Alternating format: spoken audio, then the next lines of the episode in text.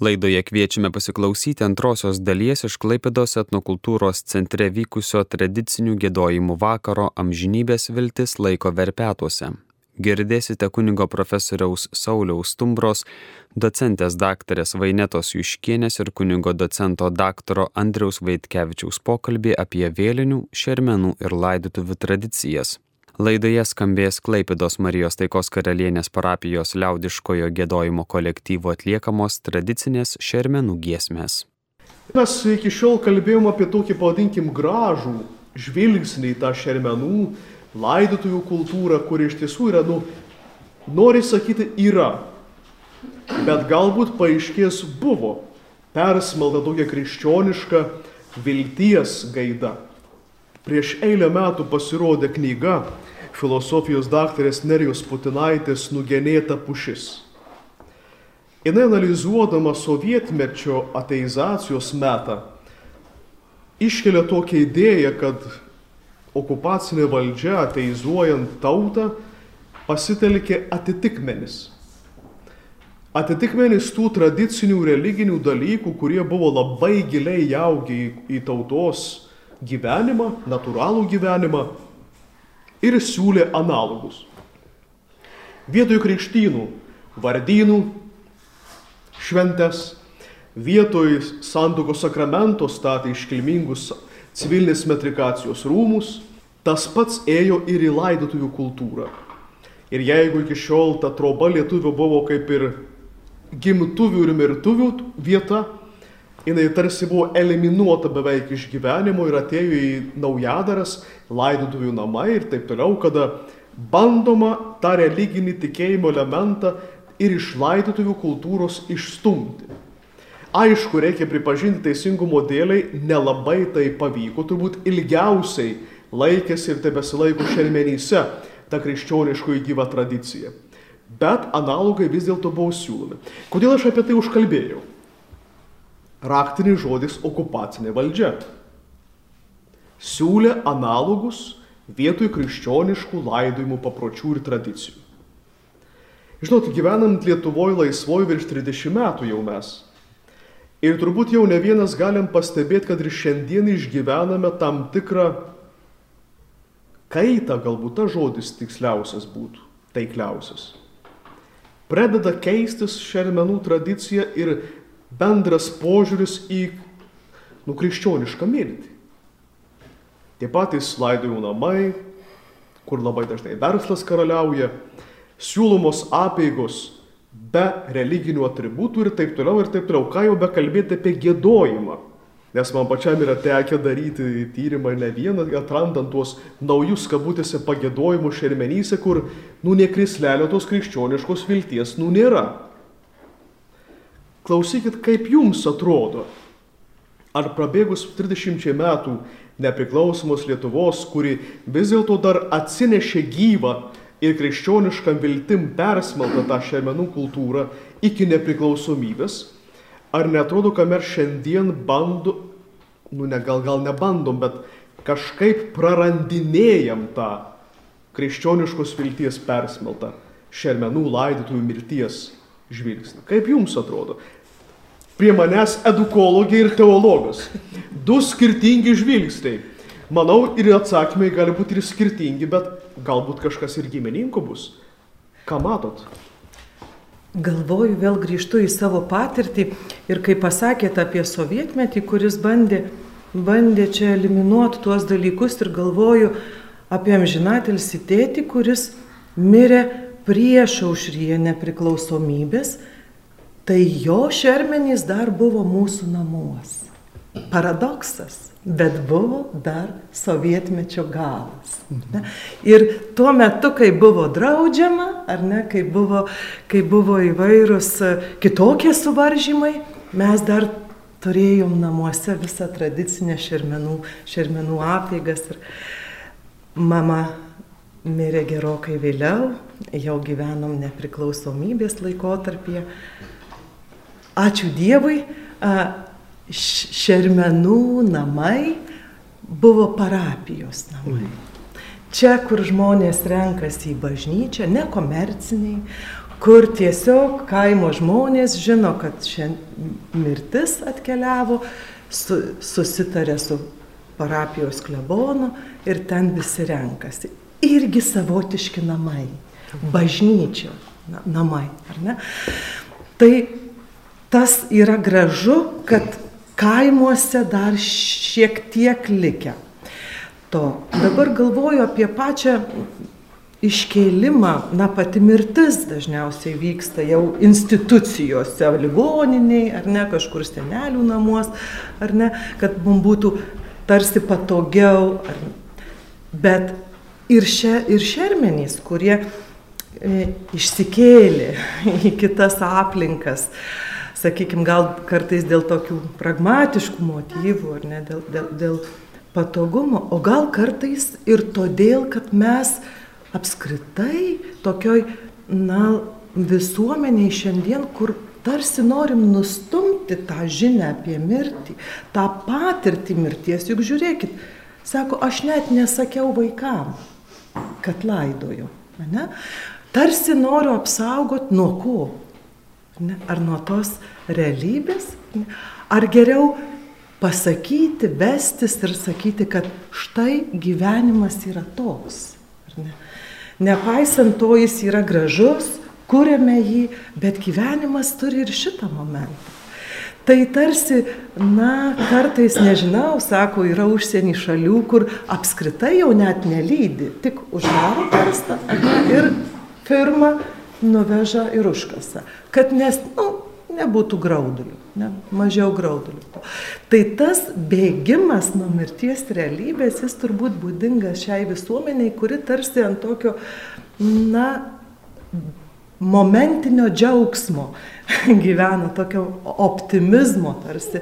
Tas optimizmas mirtyje taip pat yra, jeigu ją supranti, bet jeigu ją traktuoji kaip pabaigą, tai tuomet paguoda sunkiai supranta.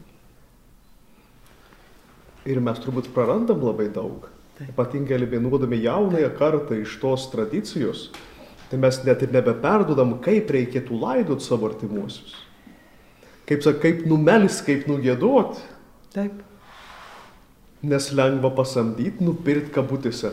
Bet klausimas iš jūs, ar gali būti malda nuperkama. Čia vėlgi daugia diskusija, galbūt kurie gal jūs įpratesi tai. Na, noriu aišku paantrinti visų pirmiausia apie tą turbūt tų tokių gyvenimiškų tiesų nuosmeninimą ar ne, tai patogumas, gyvenimo būdas, e, na ir visa tai iš namų, iš šeimos atitolinama ir bendrai nuo asmenų atitolinama.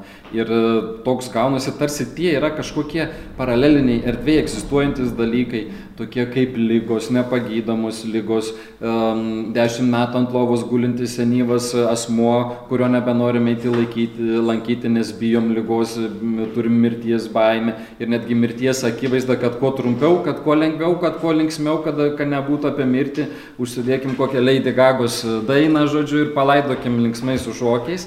Tai, na, iš tikrųjų tai atitolina nuo to, tos tokios vidinės, dvasinės patirties ir, ir, ir na, susikūrėm tokį tarsi apsaugos šytą ir tada klausimas, o kaip mums bus, kai mums ateis, kai mes laidosim pačius artimiausius, ar kada mums patiems mirties patalė reikės gulėti. Na ir dar netaip senai va, mūsų močiučių senelių karta mokindavo savo vaikus, kaip reikia gražiai numirti. Tai būdavo, na tiesiog, ką tu turi daryti mirties patale gulėdamas melstis, e, tu turi susikviesti vaikus tarsi dvasinį testamentą, palikti, palaiminti juos, palinkėti santaikoje, santarvėje, su atlaidumu vienas kitam gyventi. Na tai būdavo toks gyvas dvasinis ryšys ir kada žmogus iškeliaudavo į amžinybę, na, natūraliai tęsdavosi visą tai, nes tu išlaikydavai motinos, tėvo priesaką ir tau tai būdavo brangus, svarbu ir tai būdavo toks labai jungiantis veiksnys. Tai šiaia prasme tai tikrai vyksta tokie tektoniniai lūžiai, sakyčiau. Bet iš kitos pusės žvelgiant jau šiek tiek e, filosofiškai ir teologiškai į šitą situaciją, vis tik norėčiau pasakyti, kad žmogus nuo dvasingumo niekur nepabėgo. Tai keičiasi tiesiog formos, kaip jis, kaip jis e, tą daro, kaip jis bando atsisveikinti. Ir, ir ta, ta pati jau minėta Lady Gagos kokia nors ten daina ar ne, tai, tai yra irgi bandymas ieškoti dvasingumo, tiesiog nežinant būdų, kaip tą būtų geriausiai e, padaryti. Tarp kitko, Čia ir Klaipėdai vieni laidojimo namai yra labai sunerime, nes e, sako, nu, žmonės taip va, visiškai na, nemoka atsisveikinti su savo artimaisiais ir ten tokį ir savo svetainę pasidarė, e, bet, na, ten jau kūriamos naujos tradicijos, e, tai um, nėra labai aiškių tokių, sakysim, kas mums lietuviams būdinga tradicinių atsisveikinimų, kalbėjimo apie maldas, apie mišes, nesvarbu, kad ir įvairiausių krikščioniškų skirtingų bendruomenių. Tai, bet visa tai yra liūdėjimas, kad žmogus e, yra dvasingas ir tai yra mūsų prigimties dalis. Ir kad tu nuo šito neiksi, slėpsis, bėgsi, kultūra tau sakys kitaip daryti, bet tu turi tą ilgesį kurį turi numalšinti kažkokiu tai būdu. Tai va čia jau yra toks didesnis klausimas, o kokiu būdu tą, tą darai ir va, ar mes tie, kurie darom, ar tėvai šeimose, tie, kurie yra atsakingi už vaikų auklėjimą, ar perteikia šitus dalykus, ar tiesiog susitaiko su ta tokia e, pop dvasingumo kultūra. Nu, dvasingumo čia žinoma plačiaja prasme naudoju šitą išsireiškimą. Tai gal tie komentarų. Čia dar turbūt geroji žinia yra ta, kad dar bando atsisveikinti, nes yra kartais pavyzdžių, kai net nebando, sako, aš nenoriu prisiminti mirusių, ne? aš noriu, net nenoriu matyti karste, ar ne, kaip atrodo, noriu tik tai padėti nuotrauką ir prisiminti gyvus, gyvą, koks jis buvo gražus, tikrai tas žmogus buvo gražus, ar ne, ir tada neišgėdėtas lieka, neišgėdėtas skausmas, jis niekur nedingsta, paprastai jis kitom formom tada išsiveržia ir, ir, ir gyvenime pasklinda, nes išgėdėti atsisveikinti reikia. Ne, tai, tai turbūt tai, kuo greitėja šermenys, kuo jos trumpėja, kuo mažėja, vadinkim to, kad ir tradicinio gėdojimo, valdingumo ar kažką, tai galbūt tuo ilgėja eilės prie psichologų kabinetų. Galėtume tokią savotišką paralelę galbūt vesti. Man, čia turbūt nėra psichologų, gal patvirtintų kažkas tą mintį. Manau, kad ne vienas tam pritartų, nes, kaip jūs sakote, išverkti yra sveika. Ir ašra bėgantis kruosų tai yra negėdingas dalykas, yra natūralus procesas. Nes dažniausiai ašra bėga iš meilės. Neverkiam dėl, begal, dėl, dėl dalykų, kurie nereikšmingi yra. Ašra bėga tada, kada mums svarbu yra. Taigi šis momentas yra iškrioktas, išgėdotas, išpoteriautas, yra labai svarbus momentas. Bet jūs tik tą ir patvirtot mintį, kurią realiai e, mano minėta autorė ir sakė, kad laikas kuria atitikmenis naujus tradiciniams dalykams. Aišku, mūsų atsako laikas reikalaus. Bet mes apie tai pakalbėsim toliau. Laikas atėjo giesmiai, gražiai tradiciniai, nors ir žodis kalbės labanakt, o Jėzau, bet dar renginys nesibaigė. Labanakt, o Jėzau,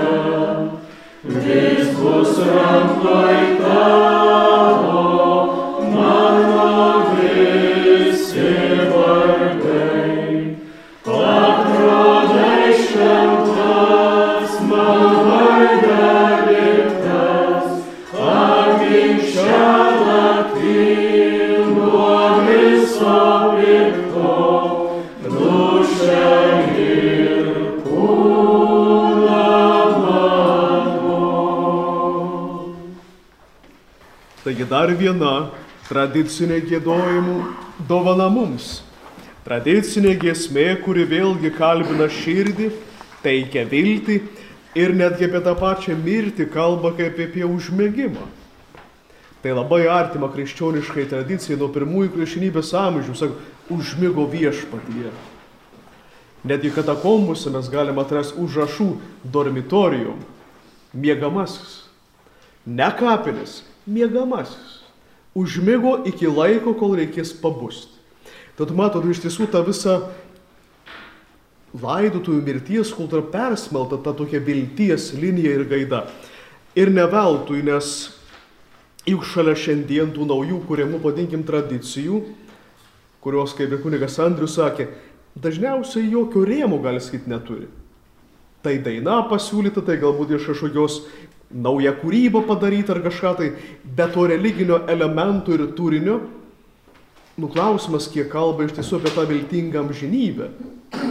Kiek suteikia tos vilties klausančiam, dalyvaujančiam, jų dažnai, kad net galbūt jeigu ir pasando artimieji to gesmeninką ar kitą, jie tampa tarsi fonas.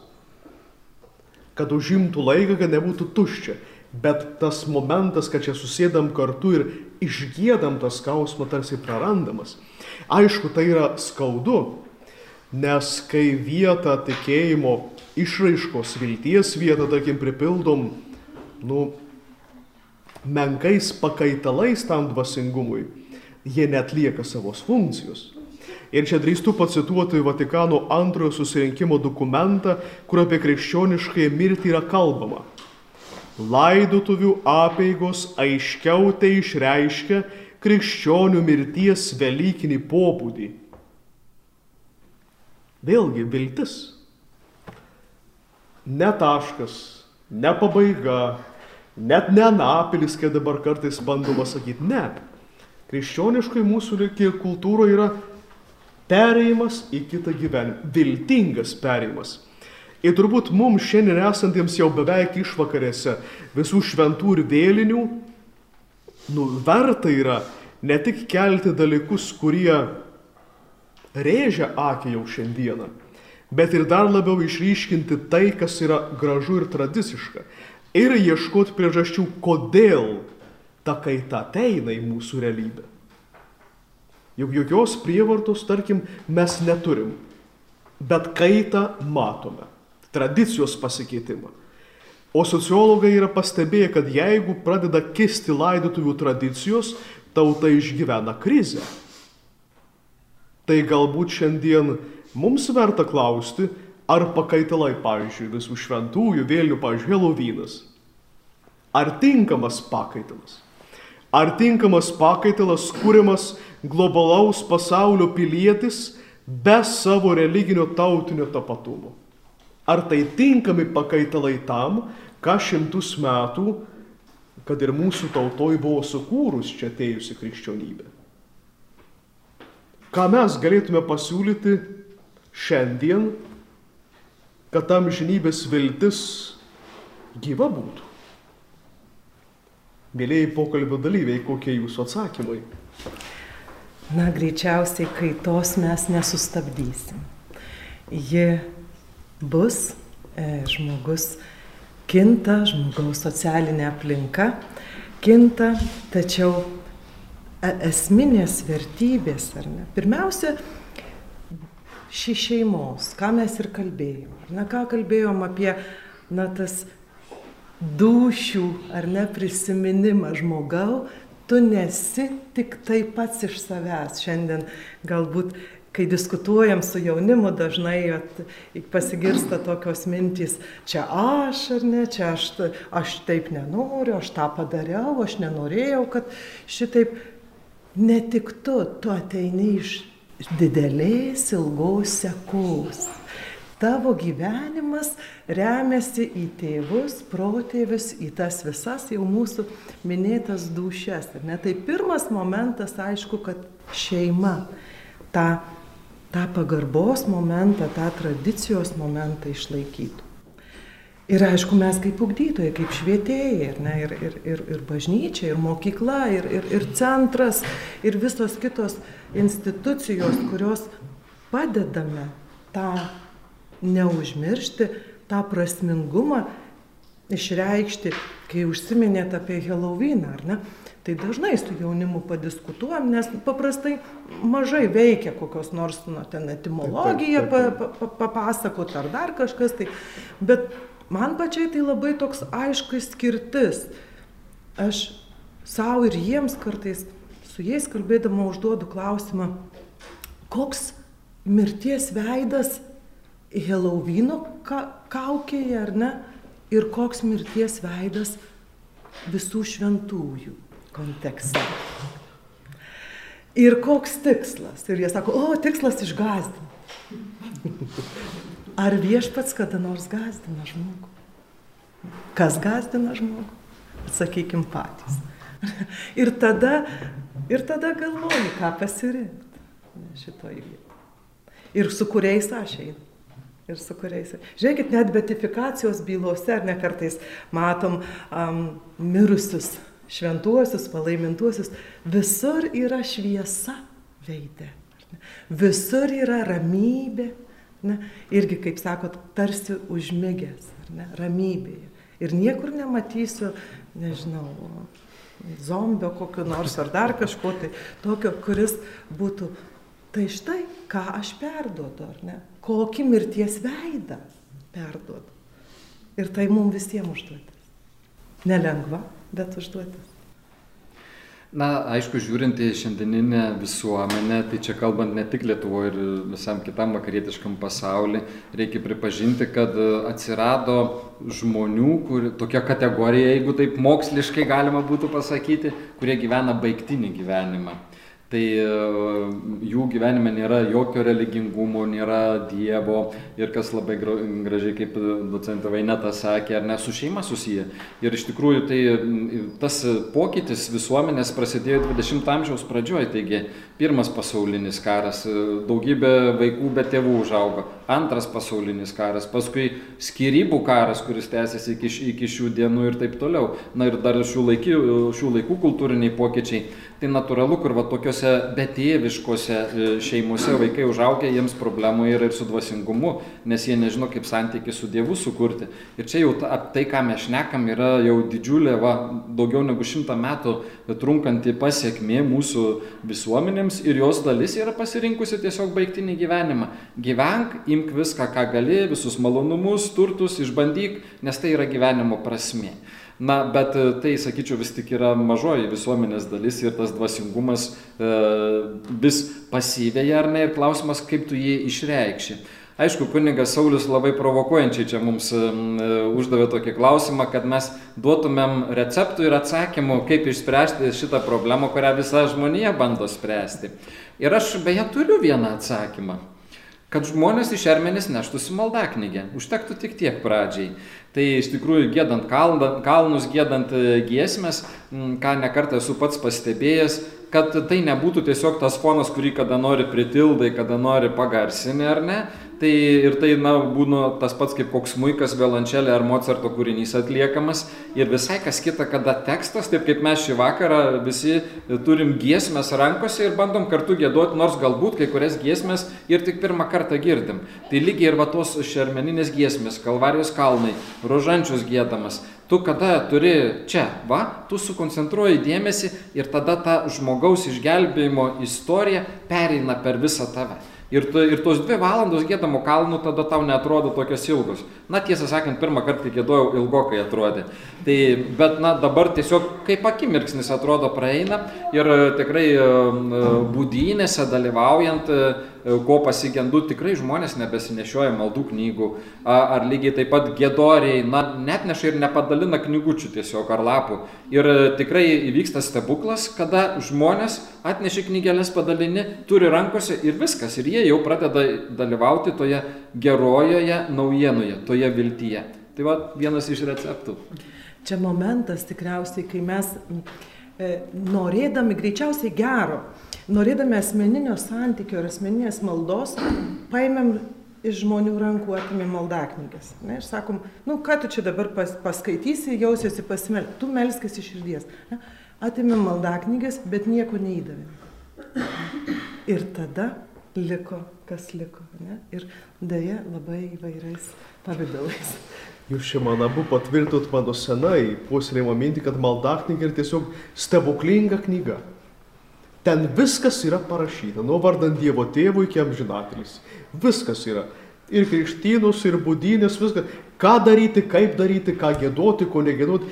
Iš tiesų, bet mes tą sakydami, vis dėlto mes remiamės į tai, kad mes turim pamatą kažkokį.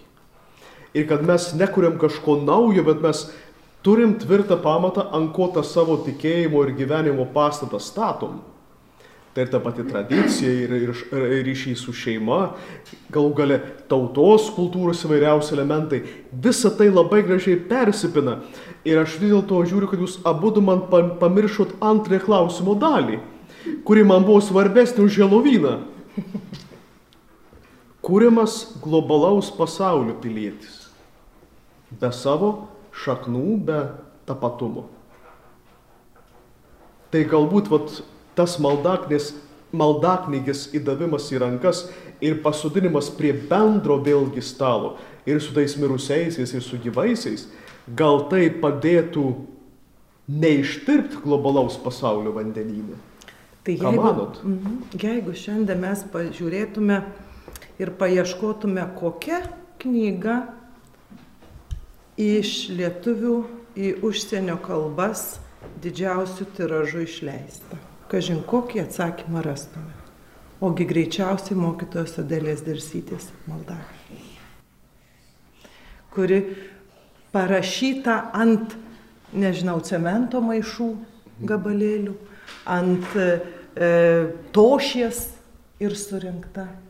Ir štai tenai, kur toli nuo tėvynės, ne, ir ji šiandien yra pasklidusi po visą pasaulį kaip pavyzdys, kaip, kaip raištis, ar ne, kuris rišo ten mūsų tautiečius, ar ne, kuris ir, ir, ir iš mūsų kaip gražus pavyzdys pasklido.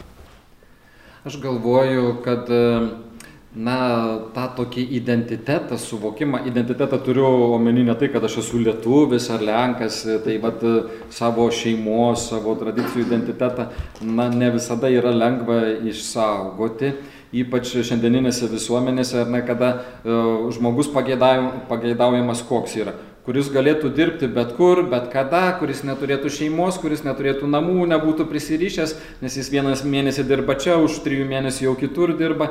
Tai bet, na, ta tokia ir, ir darbo rinka, tai čia, va, kalbam, kiek daug yra visokiausių veiksnių iš išorės ir kada tu norėdamas turėti kažkokį orų gyvenimą, orę būti, na, tu esi verčiamas tapti tuo pasaulio piliečiu.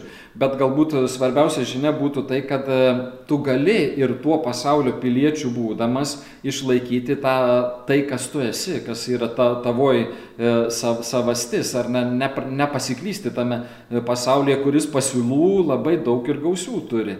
Bet va čia jau turbūt kalbam apie tai, kad turi įdėti asmeninių pastangų. Be asmeninių pastangų nieko nesigaus.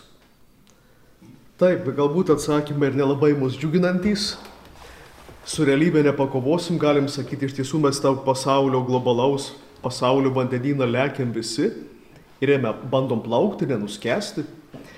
Ir iš tiesų, kad nenuskestume, vis dėlto turbūt reikia kuo dažniau atsigręžti į tas mūsų gražias progas, kurias suteikia mums ta krikščioniškųjų liaudės kultūra. Štai jau tai dabar, vat, prabėgs kelios dienos, mes kiekvienas atrasim laiko nuvažiuoti prie savo mirusiųjų kapų. Tai yra bandymas neištirti pasaulio vandenyne. Sustot, atmint, pasimelsti, uždegti pašventintą žvakę, poterį sukalbėti. O dar daug dievė gal pavyks po to ir su giminė pabendrauti, kas būtų be galo idealu, kad susitiktų prie vieno bendro stalo kartos. Taip, mes neišvengsim, kad ir kokie globalūs būtume ir tų momentų, kada teks mums rūpinti savo artimųjų prasmingų ir viltingų palaidimų. Ir vėlgi tai bus proga, kada vėl mes bandysim atverti tą tautos lobynų skrinelę ir ištraukti iš jos kas gražiausia tam momentui. Galbūt tos ribinės situacijos ir duoda mums progą suprasti iš tiesų, kas esu. Ne pasaulio vandenyną maža dalelė, bet vat šitas mano tikrumas čia ir dabar atsiskleidžia. Kaip nenorisi linkėti mums išbandymų, bet norisi linkėti, kad iš tiesų kasdien ir tuo savo paprastu žmogišku gyvenimu savo atsakytume, kas aš esu. O kas turėtume būti, kiekvienas tas amžinatelis vardas mums kartoja.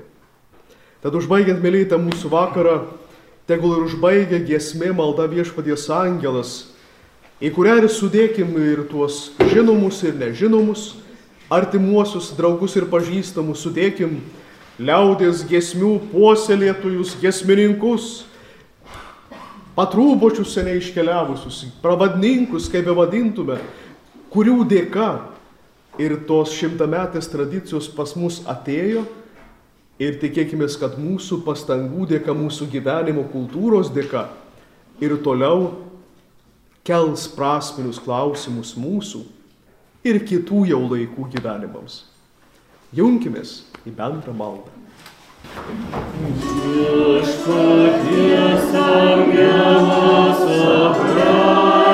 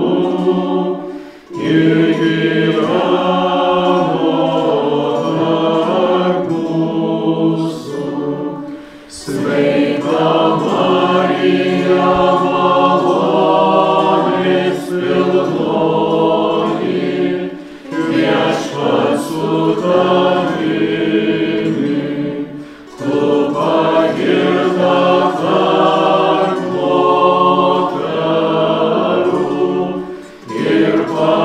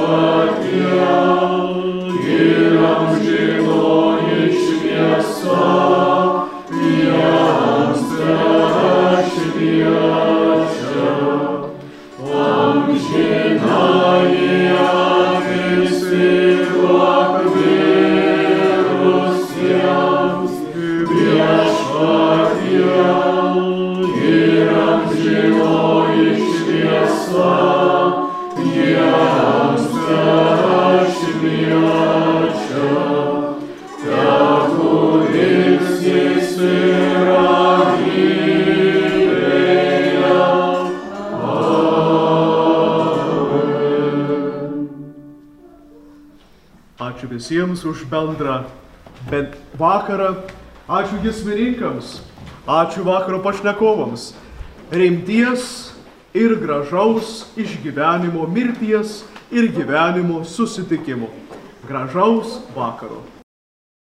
Klausėmės kunigo profesoriaus Sauliaus Tumbros, docentės daktarės Vainetos Juškienės ir kunigo docento daktaro Andriaus Vaitkevičiaus pokalbio apie vėlinių šermenų ir laidotuvių tradicijas.